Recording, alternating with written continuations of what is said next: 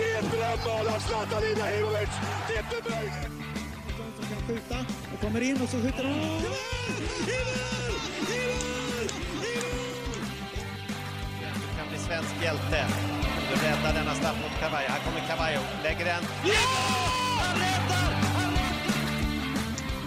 Ja, men då så då hälsar vi er hjärtligt varmt välkomna till avsnitt 12 av Bruttotruppen och det här är ett avsnitt som var tänkt att handla om, eller var tänkt att vara en ligasammanfattning med mig och Konrad Grönlund. Eh, men där är vi inte än, utan det här avsnittet kommer mer eller mindre eh, ta upp det som är aktuellt kring herrlandslaget som har samlats i Båstad ju och lite grejer om damlandslaget, men också om Poya Asbagis första trupp med u landslaget Konrad. Vad, vad, vad känner du om de här grejerna innan det spännande avsnittet nästa vecka? Ja men det, det var nästan eh, oundvikligt. Det känns som att om vi hade kört eh, ligasummeringen nu så skulle vi ha hoppat över så mycket grejer så att eh, nej, det är mycket möjligt att vi missar något nästa vecka också. Man vet ju inte vad som händer men eh, ja, det, det ska bli jätteroligt. Alltså, det är mycket att diskutera ju framförallt så att mm. Verkligen, och vi kommer ju säkert missa någonting. Det kan vi väl redan slå fast nu liksom. Det är ju så mycket och så många svenskar att eh, amen, ta ner, alltså svenskars prestationer där ute i Europa som har gjort det jävligt bra men som också i vissa fall har gjort det jävligt dåligt och, och som möjligen kommer lämna här i sommar och som är aktuella att diskutera. Men vi kan ju inte, vi kan ju inte ro hem allas historier så att säga. Utan eh, vi kommer plocka ut en del och jag tror att vi har hittat ett intressant upplägg där. Yes, men det kommer bli roligt att se vad, vad ni tycker också. Eh, om, för övrigt, är det någonting ni vill att vi ska ta upp i något avsnitt så kan ni bara säga till. Så att, eh... mm. Men eh, det är nästa vecka och den här veckan så handlar det ganska mycket om herrlandslaget och samlingen som just nu pågår. Eh, alla har väl anslutit nu till Båstad förutom Pontus Jansson som eh, på lördag spelar playoff med sitt Brentford och kan ta steget upp till Premier League. Men innan vi går in på vad som gäller för Pontus Jansson så kan vi ju ta upp att det, även om det är en, alltså, en fullskalig trupp som har samlats så är det ju en hel del skador, Konrad. Ja, precis. Eh, vi har ju tuffa skador på Olsson, Augustinsson och eh, Helander, men det verkar som att åtminstone två av dem kommer kunna vara med i EM.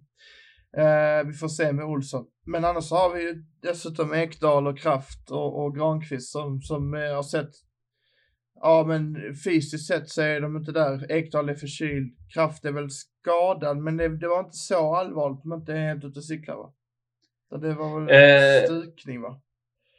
Mm, ja, exakt. Vi kan väl ta det från början, eller äldst ifrån, mm. Eh, i Andreas Granqvist som har haft lite ljumskproblem här under samlingen och tvingats kliva av mm. någon träning var det. Jag tror att eh, det var Sportexpressen som rapporterade om att han sågs diskutera någonting med naprapaten, eh, landslagets naprapat och så klev han av träningen efter att han tog sig för, eh, för ljumskarna. Eh, hur allvarligt det är med Andreas Granqvist, det vet vi inte. Och eh, egentligen eh, så vet vi inte hur mycket det kommer påverka landslaget med tanke på att Janne ju har sagt att eller det, det, står ganska klart att Andreas Granqvist inte kommer spela men med tanke på de skadorna vi redan har i backlinjen så vet man ju aldrig. Vi har Ludvig Augustinsson som också går skadad. Vi har som du sa eh, Emil Kraft, Martin Olsson, Albin Ekdal tillbaka i träning ska sägas. Eh, drog på sig en förkylning, en lättare förkylning och hade ja, med de symptomen så och då kan man ju i dessa tider anta att man har varit lite extra försiktig eh, gällande träning och så. Men man, han, har, han har successivt eh, fått komma in i full träning och så. Filip Helander har ett knä som strular. Så backlinjen, eh, det är en sargad backlinje vi har just nu. Och frågan är hur, hur, många, hur många som eh, kommer hinna återhämta sig. Vad, vad, vad, vad tror vi? Alltså Emil Kraft som du sa, en lättare stukning som, som inte ser så allvarlig ut. Men Martin Olsson och eh, Ludde är man lite orolig för. Ja, precis. Så de tog in, eh, det här kommer vi prata om senare, men eh, Pierre Bengtsson och Jocke Nilsson är ju faktiskt intagna här nu som någon form av provisoriska reserver. Och eh, det känns ju helt rätt, inte minst då vi har en match på lördag väl mot eh, Finland. Uh, Stämmer bra det. Så jag tänker att jag är inte så orolig för vänsterback. Jag menar om Augustinsson är frisk spelar det ingen roll vilken backup vi har, tycker jag. Eh, och det verkar ju som att Augustinsson ska komma tillbaka till EM. Men eh, det är ju, jag tycker mest oroande med mittbackspositionen att eh, eller ja, tycker jag verkligen det? Jag vet inte. jag tänkte Hur orolig att... ska man vara egentligen? Jag menar alltså, Filip har ju- Helander eh, har ju ett knä som Mm. strular. Ska säga att det är ett knä som strular, som har strulat i lite drygt en månad där va? Sen, sen eh, ligaavslutningen med, med Rangers. Och han ser, alltså enligt Steven Gerrard som uttalade sig för ungefär tre veckor sedan så skulle det inte vara något problem med, med EM. Det skulle inte vara någon större fara liksom med spel eh, i mästerskapet. Eh, Så honom kan vi nog räkna med även om man aldrig liksom kan eh, ja, spika det. Nej. Annars så har vi ju ett, eh, alltså vi har ju Mm. flera kompetenta mittbackar i Victor Nilsson Lindelöf, eh, Marcus Danielsson, eh, Pontus Jansson som kommer ansluta. Har haft en lång säsong däremot ska sägas och har en skadehistorik den här, det, här, det här året liksom. Så, så hur stor risk finns det där? Så visst, jag, jag tror att jag ändrar mig där. Du har nog anledning att oroa dig lite grann Konrad. Ja, absolut. Eh, och jag menar inte det som någon så här kritik mot eh, Granqvist eller Helander, utan jag tänker mest att om vi säger att en av dem missar EM så skulle vi fortfarande ha Jocke Nilsson, eh, Danielsson, Helander och Lindelöf. Eller inte Helander utan Jansson menar jag.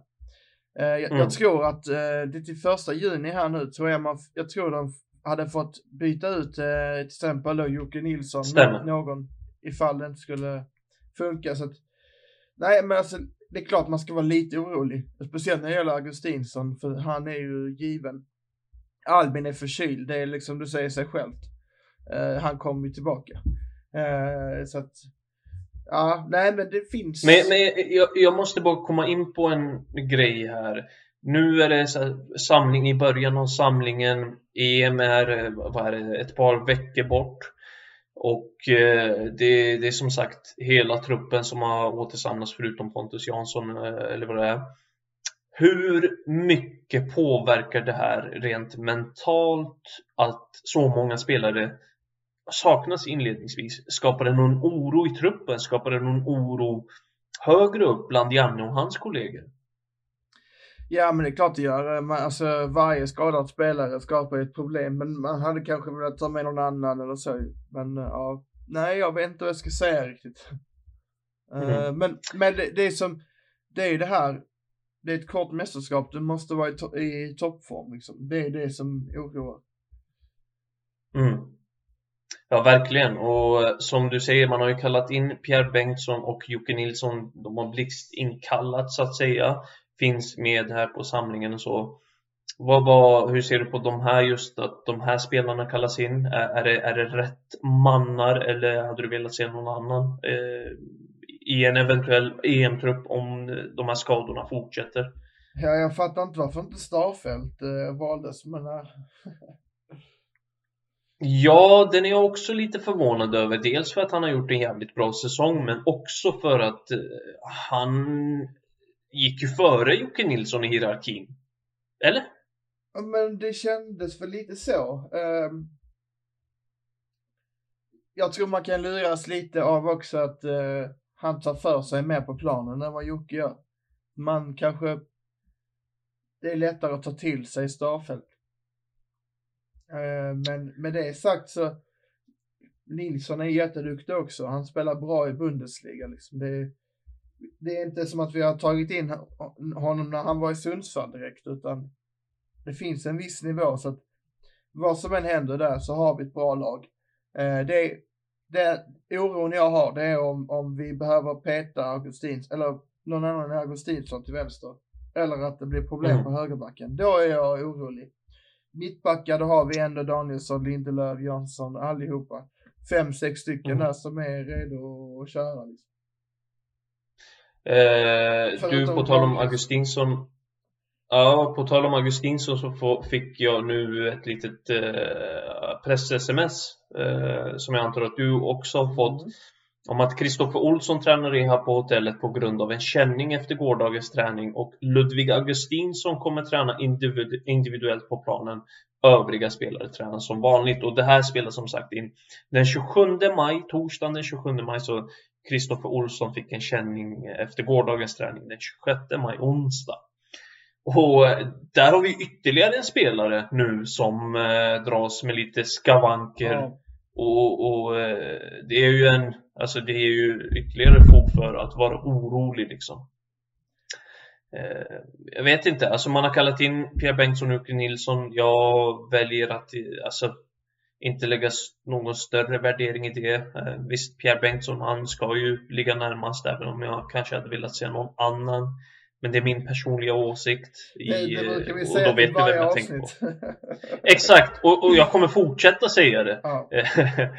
Eh, Men ja, då vet vi hur läget ligger till med Ludde, tränar individuellt och eh, Koffe, han eh, tränar rehab på hotellet alltså. Mm, Men det är, Är det, Koffe är ändå så här att eh, vi har diskuterat det ju tidigare att han har haft en lite tveksam säsong så eh, vi har en bra backup där. Problemet är om och Koffe skulle gå ut det är att vi behöver en ny rollfördelning.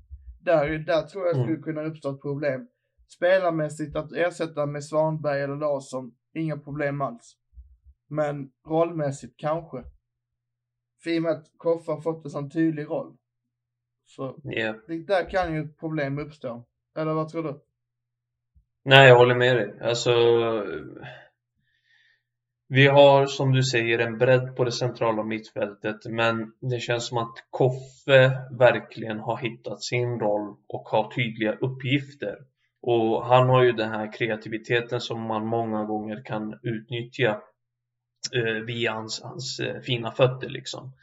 Mm. Eh, så eh, jag, jag ser det som ett avbräck om han inte finns med. Sen är frågan eh, det är lite svårt att säga. Vem- Vem kommer starta? Jag tror att det, som, som vi har pratat om tidigare, det beror väldigt mycket på vilket motståndet är.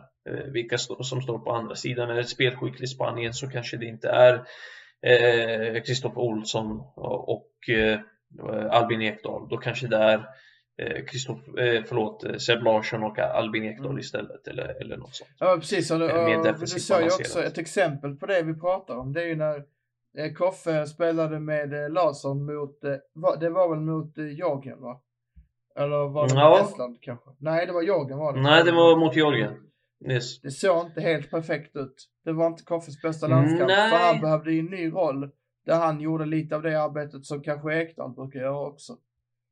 Precis, precis.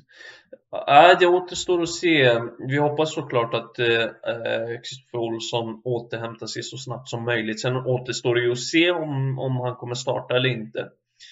Men eh, är det något mer du vill säga om den här samlingen hittills? Är det någon, några speciella reaktioner eller, eller eh, någonting du har reagerat på i övrigt så här eh, eh, vid inledningen? Förutom skadorna? Nej, inte jättemycket, men eh, det är roligt att de är igång och det hade varit kul om vi hade haft tid att vara där nere för då hade det, det hade ju såklart varit fantastiskt. Men eh, det kan vi ju såklart förklara att vi hade ju möjligheter att söka akkreditering, men eh, ja, andra grejer står i vägen. Vi ska ju ut på uppdrag och sånt där i andra eh, grejer. Men vi kommer skriva om, om och snacka om eh, EM ändå. Så att Mm. Det är ju Exakt. vi kommer ju att bevaka Men- så mycket vi kan. Verkligen. Eh, Jag tänker att vi släpper samlingen där lite grann, även om vi pratar om landslagsspelarna. Och jag tänker att vi har pratat en del om eh, Ludvig Augustinsson. Och låt oss då prata lite grann om hans säsong. Han ramlar ner i Zweite Bundesliga samtidigt som Branimir Hrgota tar, upp, eh, tar steget upp i Erste Bundesliga som det heter. Branimir Hrgota som tar steget upp med sitt Greuther Fürth. Vad, vad tycker du om uttalet? Greuther Fürth. Det lät Håller det? bra. Uh, ja, kommer ju, jag kommer inte ge mig på det. Men uh, Eller ska vi göra det? Ska jag göra det bara för skojs skull? Gör det, gör det. Du som har eh, lite... Ja, så. Det lät som Ja, ja. Filip Wåhlin i alla fall. Ja, eh, jag undrar vad, vad ni lyssnare tycker. Vem höll högst klass där? Ja, okej. Eh, ja, Den som förlorar, de, den får swisha eh, eh, godispåse eller någonting. mm, Ja, det låter som en bra deal. Ja. Nej, Verkligen. men eh, det är ju roligt för hans skull. Det är, alltså, vi glömmer bort hur bra han gör det där. Eh, sen det är klart att det är en andra division och det ska man ju alltid tänka på. Det är inte Champions League, men det ska bli jättekul att se honom få en chans till i Bundesliga och jag menar han kommer ju vara ordinarie. Han är ju, han är väl till och med kapten där så att jag menar det det är, det är bara häftigt och roligt. Jag ser fram emot att se det. Vad, vad känner du? Och eh, nej, det är samma. Alltså, eh, Branimir Hrgota har vi pratat om tidigare här i, i eh, programmet och där har vi ju nämnt att han har en oerhört hög högsta nivå, haft lite otur i karriären, dels med skador, dels med så klubbval och dels med tränare Mm. och, och allt vad det har inneburit. Eh, Men nu känns det som att han är på rätt spår igen och att eh, ja, eh, han kan nå högt även om han inte är purung längre. Mm. Vad gäller Ludvig Augustinsson som ramlar ner till Schweiz, där kan vi väl konstatera att han inte kommer vara kvar Konrad. Ja, exakt. Eh, nej, det, det lär ju bli eh, en flytt antingen inom Bundesliga eller utomlands. Men vi får se. Det Mm. finns inga eh, jättestora rykten nu va? Nej, inte än säger jag. Eh, för jag tror att det kommer dyka upp så småningom. Men jag tänker att vi släpper de två spelarna för stunden, släpper Tyskland och vidare till England eller snarare Manchester United där vi har Victor Nilsson Lindelöf och Anthony Elanga som Ja, Elanga fanns med på läktaren då, men Lindelöf startade EL-finalen här igår i Europa League. Och det var en final som eh, enligt mig inte var den roligaste över 90 minuter, men eh, som innehöll en straffläggning som var, var helt otrolig. Eh, Sen eh, vad gäller insatsen från Lindelöf, tveksam, Mm. eller? Ja, eh, alltså. Den är inte jättedålig, men han spelar ju bredvid ett, eh, en spelare som, som har sina dagar. Om man får säga det på snällt sätt. Och vissa dagar är han inte lika bra. Så. Men nej, jag, jag, är inte, jag är inte jätteimponerad av Manchester United. Jag menar, de spelar bra boll och sådär, men det finns ingen... De använder inte sin offensiva kraft på rätt sätt. Eh, Villarreal hade det ganska bekvämt eh, i... Alltså i alla fall okej, United dominerar matchen. Det är, det är, det är 100% med på. Men att så här, Villarreal kände väl sällan att de var hotade. Mm. Så, men Lindelöf, Ehm. hur mycket fel är hans? Ja, jag vet inte. Jag menar, målet där. Det som de säger i studion, det skulle ju Shaw kunna täcka upp också. Ja, jag, samtidigt så känner jag så här. Är vi inte lite för ofta lite för snabba med att försvara våra egna spelare i de här sammanhangen när det, när det uppstår en tabbe eller så? För jag tycker att han bör göra det bättre. Det känns som att var, var, var är han på väg liksom? Ja, kanske, men Shaw, Shaw fullföljer ju inte sin plikt och därför så går ju, lägger sig Lindelöf i. Och det, det kan man tycka vad man vill om, men om man inte hade gjort det hade det kanske blivit ännu mer pinsamt. Så att, ja, Mm. jag tror han tog en kula för laget där och det kommer bli att han står som skyldig, men Nej, jag, jag, jag, jag tycker nu snarare att det var ju synd. Men en väldigt duktig anfallare, väldigt bra gjort av Moreno också. Så jag kan tycka att det är synd att det blev avgörande. För att hade United vunnit med 3-1 eller så, så hade man kanske inte brytt sig. Nej, och eh, det blev ju ingen titel för Lindelöf eller Elanga i det läget och eh, det blev ingen framgång helt enkelt. Men framgång kan det bli på lördag som sagt för Pontus Jansson som eh, spelar playoff och ska försöka ta steget upp till Premier League med sitt Brentford. De ställs mot Swansea. Det här är andra året i rad som Brentford kan falla på målsnöret. Vad, vad, vad är dina tankar eh, inför den matchen? Eh, Bör Ponne vara kvar om Brentford missar? Nej, Ställer den frågan. nej tycker Nej. jag inte. Tycker jag inte. Eh, han är för bra för det. Vad tycker du?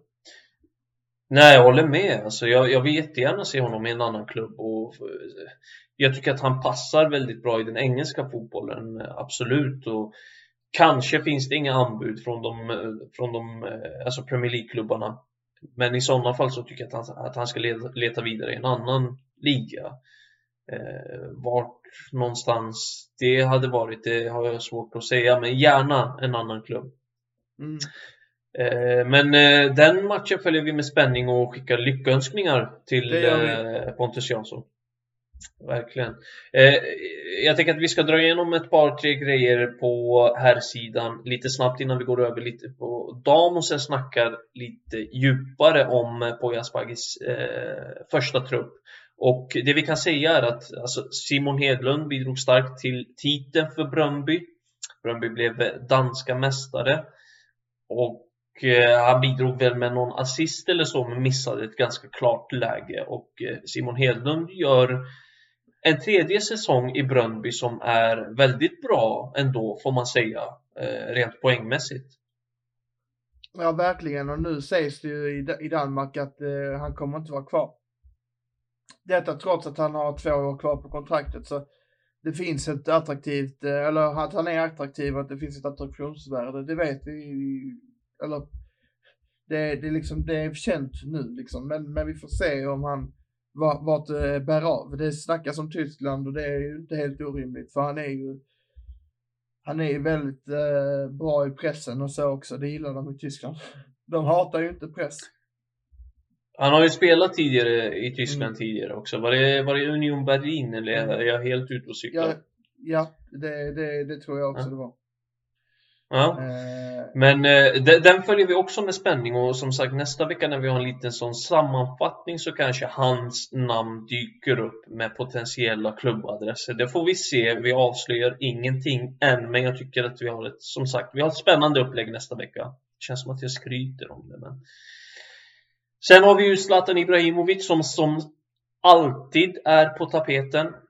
Han har sålt eh, sina andelar i Bethard men har kvar andelar i Game Day som är ett eh, företag som är aktiva i vadslagningsindustrin och det har gjort att han nu har straffats va? Ja. Han har fått eh, en bot på 50 000 euro.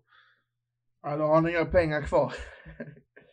ja, snacka om fickpengar alltså. Mm. Nej, det men det är, det är ju så här, man kan ju bara säga snabbt att det, jag tycker väl att det är rätt att inte en spelare ska äga ett spelbolag. Eh, sen tror jag, om jag ska vara helt ärlig, jag tror inte Zlatan gör sådana där jättevidare analyser, utan jag tror att han tänker på exponering, pengar och, och för, vad heter det, möjligheter att liksom tjäna pengar men också göra någonting utöver fotbollen. Eh, mm. Så jag, jag, om jag ska vara ärlig så tror jag inte att Zlatan gör det för att fuska eller sådär.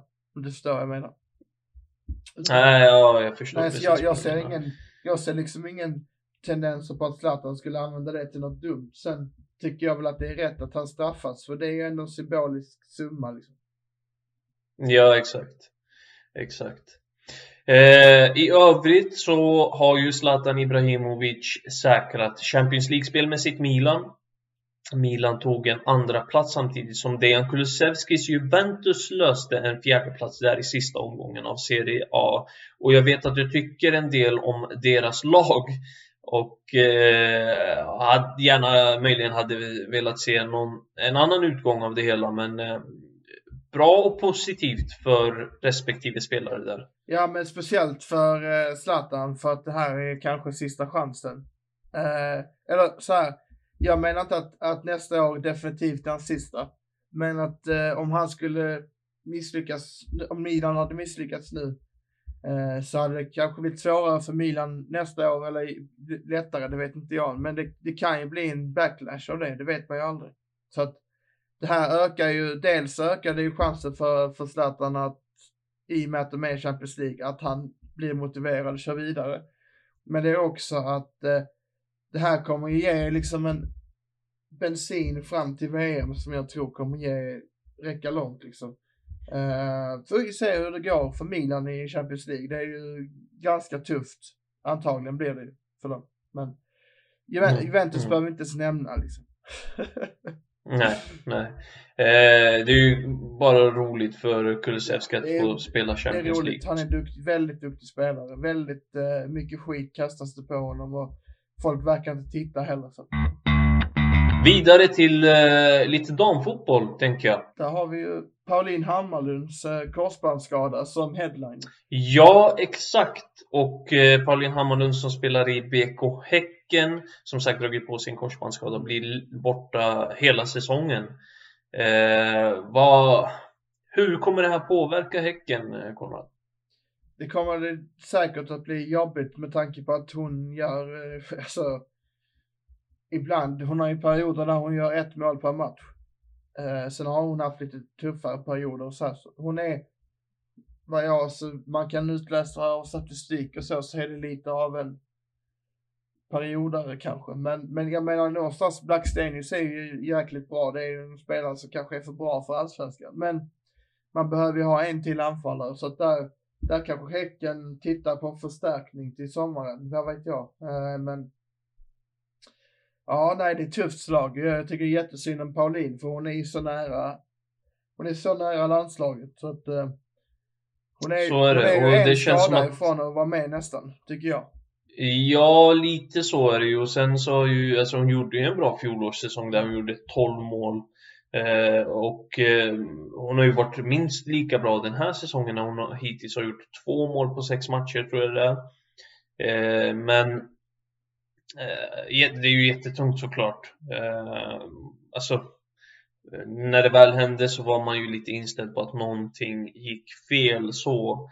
Eh, alltså i knät. Och så var det ju. Eh, en, eh, en översträckning, vridning eh, och så pang så smäller korsbandet borta. Tråkigt för hennes del. En Pauline Hammarlund som kändes som att hon var på, på rätt spår helt enkelt. Mm. Nej, Eh. Ja, och för Sveriges del, eh, Sverige är ju tänkt att OS genrepa mot Norge, men den matchen är i fara Konrad. För att Norges fotbollsförbund, de kräver att landets regering ska ge landslagsspelare undantag från karantänsreglerna i coronapandemin. Annars kan matchen ställas in. Och där har regeringen inte gett vika ännu. Det är ju jättetramsigt eh, med tanke på att det är så mycket protokoll kring detta. Med Uefa och Fifa och även olympiska kommittén antar jag. Att det tycker jag är hur löjligt som helst. Faktiskt. Är, det inte lite så här att Norge vill göra sig speciella ibland och att det är det det handlar Ja, om i det här ja de, har ju, de har ju olja, sen har de Håland. och sen har de, de fått låna Stare. Ja. Eh, vad hette hon som vann eh, guld på världens bästa spelare för något år sedan? Ada Ha- Hegerberg menar. Hegerberg, ja exakt. Och så har de henne också får vi ju säga. Ja, ja, såklart. Eh, Thomas Ragelund ja, men alltså, vad- vad, vad tror vi då? Kommer det bli någon match eller? Nej, det är svårt att Alltså, säga, tror- men på något sätt löser de det, eller? De, de bara spelar Ja, men det känns som att det kommer bli press, pressen omkring kommer bli alldeles för stor och så kommer man bara, ah, okej då.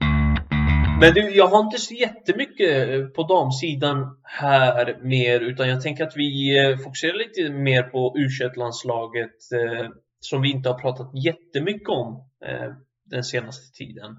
I och med att det har varit lite eh, inaktuellt eh, och så. Men nu är det aktuellt i och med att eh, Poya Asbaghi har tagit ut sin första trupp och den här truppen eh, Eh, ska spela en träningslandskamp mot Finland den 3 juni och EM-kval mot Luxemburg den 8 juni i Falkenberg, båda matcherna i Falkenberg. Och det här är en intressant trupp av olika anledningar. Dels som sagt för att det är Pojas första trupp, men också för att det är bara sju av de här 23 spelarna som tidigare har spelat u och att det är en väldigt, väldigt ung u trupp med en snittålder på 19 19,99. Eh, dina spontana reaktioner eh, innan du går in på ditt missnöje som jag vet är ganska stort. Ja, nej det är episkt att det, att det är 19,99 och inte 20 liksom. Det är, då kan man säga 19. Fast det måste man det måste 20. man vara tydlig med. Ja, nej men exakt. Eh, nej men det, jag kan bara säga så här. Jag, jag har sagt det innan, jag litar på Poja till 100% spelmässigt. Så att jag menar, om det här är de spelartyperna han har analyserat att det ska vara bäst för hans spel, då, då är jag på hans, i hans båt och jag kommer inte lämna den. Men jag har lite, alltså jag har, vi kommer komma in på det nu strax, men jag har en fem, sex spelare jag hade velat byta ut kanske. Ja, alltså jag gillar ju ditt förtroende för Poja som ännu inte har visat ett skit i u landslaget eh, Vi pratade om den här rekryteringen, jag tror det var i vårt första avsnitt eller så och eh, det är ju definitivt en riktigt intressant rekrytering att hämta in Poya Asbaghi som dels är duktig med yngre förmågor och dels spelar en attraktiv fotboll som kan passa eh, den här typen av landslag. Liksom. Så visst, jag står också bakom rekryteringen och jag gillar Poya Asbaghi i allmänhet. Jag tycker han spelar en rolig fotboll och allt vad det, vad det är. Men samtidigt så tycker jag ändå att man kan ifrågasätta i och med att han inte har bevisat någonting än i u landslaget eh, eh, Alltså man kan ju varken säga att han har gjort, eh, gjort någonting bra eller någonting jävligt dåligt än. Alltså i, i den här nej, sammanhanget. Nej, nej, nej, men jag menar bara alltså, spelmässigt. Jag tycker att Poja brukar spela vanligtvis. Så om han får in det med, med de här spelarna, då kommer jag ha förtroende för det. Det är det, mest det jag syftar på. Sen att jag har lite åsikter på truppen idag, det betyder inte att jag, det, man måste ändå lägga ut den här, det betyder inte att jag inte litar på honom. Det är som med Janne, att även Janne kan ha sina val ibland som man kan ha frågetecken kring. Och det här är första truppen. Ja. Så att jag menar, då blir det ju lite så. Men, men låt höra då. Mm. Nej men eh, målvakterna, det är inga konstigheter. Eh, intressant att Jakob Tonander är med som är från, eh, från Skåne. En, en trevlig, skön kille. Har Samuel Brolin, Mjällby. Eh, och Oliver... Gjort det jävligt bra ska sägas. Ja, Samuel Brolin måste ju stå. Eh, ja. Oliver Duvin, Hammarby, som också är en väldigt lovande målvakt. Lite yngre, jag tror att han är till och med 18-19 liksom. Så att, eh. Sen backarna, Hussein Ali i Örebro. Anton Eriksson, Sundsvall. Emil Holm, Söndergiske. Erik Karl, AIK, Ayamusu i Gais, Daniel Svensson, Nordsjälland, Jesper Torlinsson, Göteborg, Pavle Vagic, MFF. Anfallare slash mittfältare, Paulus Abraham, Groningen, eh, Dennis Kolander, Örebro, eh, Anthony Elanga, Manchester United, Hampus Findell, Djurgården, Armin Gigovic, Rostov, Carl Gustafsson, Kalmar, vilken blandning av klubbar by, by the way. Rami Hayal, eh, Heerenveen, Bilal Hussein, AIK, Benjamin Mbunga Kimpioka, Torquay United FC, eh, Benjamin Nygren, Heerenveen, Tim Pritcha, Ålborg och Patrik Wålemark, Häcken. Och då har jag pekat ut några spelare. Eh, eh, jag får, jag får bara stoppa dig där innan du går in på det. För eh, kan vi inte bara dra vår startelva lite snabbt? För där var vi jävligt överens. Eh, och börja med backlinjen du. Eh, för, alltså, där, där känns det ganska tydligt vilka som kommer starta eh, från målvakt till forward. Ja, nej men jag, jag, jag minns inte vad vi kom överens om, men jag kan väl dra den igen då. men, men, var det inte Brollen i mål? Ja, exakt. Brolin och sen eh, Emil Holm och Erik Karl på ytterbackarna. Torlinsson yeah. och Ragic som mittbackar. Yes. Mittfältet. Exakt så var det. Eh, då har vi väl sagt Findell, Gigovic och Hussein. Ja, ingen snack om saken. Alltså Findell har varit magisk i Djurgården. Gigovic, verkligen. Och Gigovic har kommit in bra i Rostov. Och så har vi Bilal Hussein som... Eh, alltså, det känns som att alla de här tre spelarna kompletterar varandra bra. Bilal Gigovic bättre kanske med lite finare fötter. Ja, ja. Det, det, det, det, skriver vi under på. Det säger eh, inte och, så mycket det. Eller gjorde jag det? Nej. Trion längst fram då Konrad? Ja exakt, eh, men då sa vi väl eh, Abraham, eh, Elanga och Benjamin Nygren, eller hur sa vi det? det yes, minns stämmer jag. bra det. den, den, yep, den tycker det. jag är eh, ruskigt stark. Eh, och det är tre ruskigt fina klubbar de mm. kommer ifrån. Alltså Kroningen, Manchester United och Heerenveen. Mm. Ja det, det är nice, det är nice. Och då ja, har vi, ja. då är det ju alltså vad är det nu, en, två, tre, fyra, fem, sex spelare som jag har funderat på om du skulle kunna ta in någon annan kanske. Mm. Eh, Kör! Vi börjar med Anton Eriksson, Sundsvall. Det är en spelare som jag inte har följt jättenoga. Jag hade hellre sett eh, eh, Fölkeling Persson i Helsingborgs IF, eller antingen det eller Jamie Roche i, i uh, Sirius.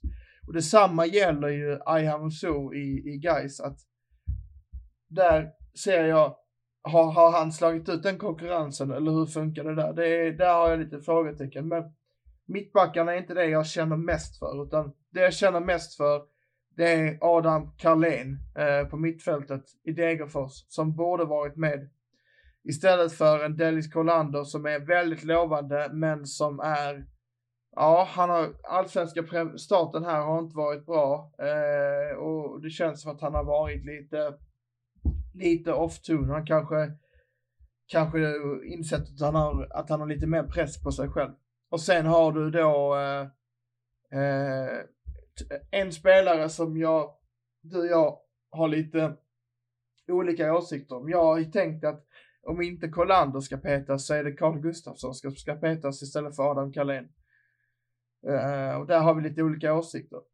Sen de sista två spelarna, det är uh, Kim Pioka som spelar i Torquay. Det är en låg nivå, jag för mig att det är League 2 och det kan vara ännu lägre än så.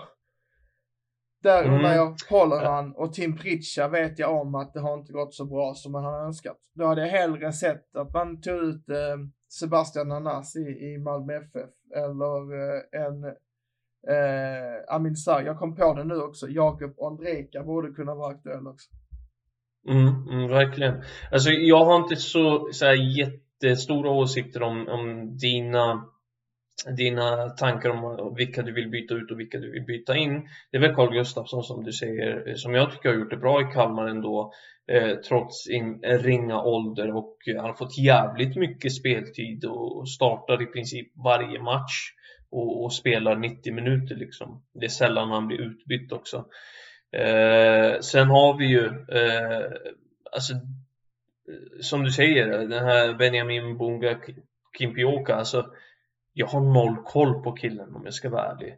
Eh, där är jag lite så här, Antingen så blir man positivt överraskad eller så kommer man, man bli ifrågasätta Poja rejält för den eh, uttagningen. Eh, men annars så är jag med det. Alltså Sebastian Nanasi eh, stod för en eh, fin inledning och honom hade man nog velat se i den här truppen. Yes, nej men där, det, det är väl det. Sen, ännu en gång, jag litar på Poja och, och tycker han att de här spelarna är bäst för hur han vill spela, då kom, kommer jag gladeligen bli överbevisad liksom. Men, mm. Övertalad menar jag. Men, men det, ja. ja, vi får se. Jag hade lite tankar på hur man skulle kunna form, omforma truppen, men det är första truppen så vi får se. Ja, exakt. Och eh, det var några få kommentarer om Pojas första trupp som sagt. Eh, och vi kan påminna om att eh, träningslandskampen mot Finland är den 3 juni och EM-kvalet mot Luxemburg är den 8 juni. Båda i Falkenberg. Konrad, jag har plockat ut en veckans snackis som kan runda av det här avsnittet. Och eh, jag tror att du eh, du också har eh, koll på den här. Uttalandet från den före detta Galaxy-spelaren Perry Kitchen om eh, Zlatan.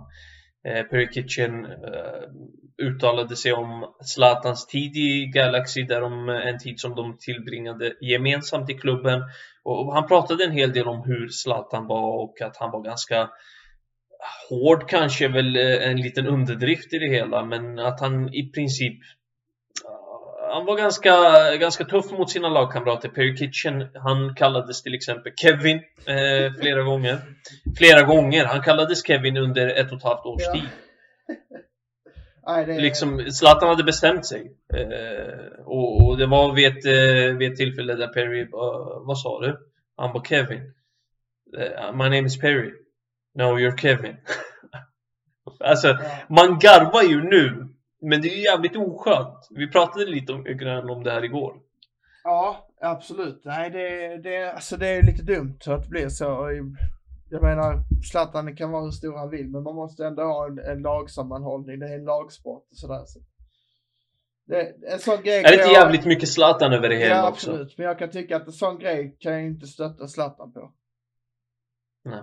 Det, det tycker jag att Nej. Perry Kitchen må vara totalt värdelös, vad vet jag om honom. Men, Stackarn. nej, men det, det, det kan Kevin. vara så. Men jag känner Ja. ändå att det är inte okej att göra. Om han spelar Nej. ditt lag så ska du, du behöver inte vara kompis, men, men man ska visa respekt i omklädningsrummet och sådär.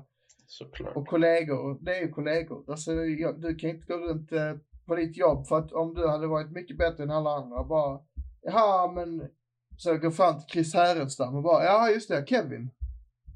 Ja. nej, nej, det hade inte hållit. Nej. Absolut inte. Eh, men eh, vi skickar en tanke till Perry Kitchen tycker jag.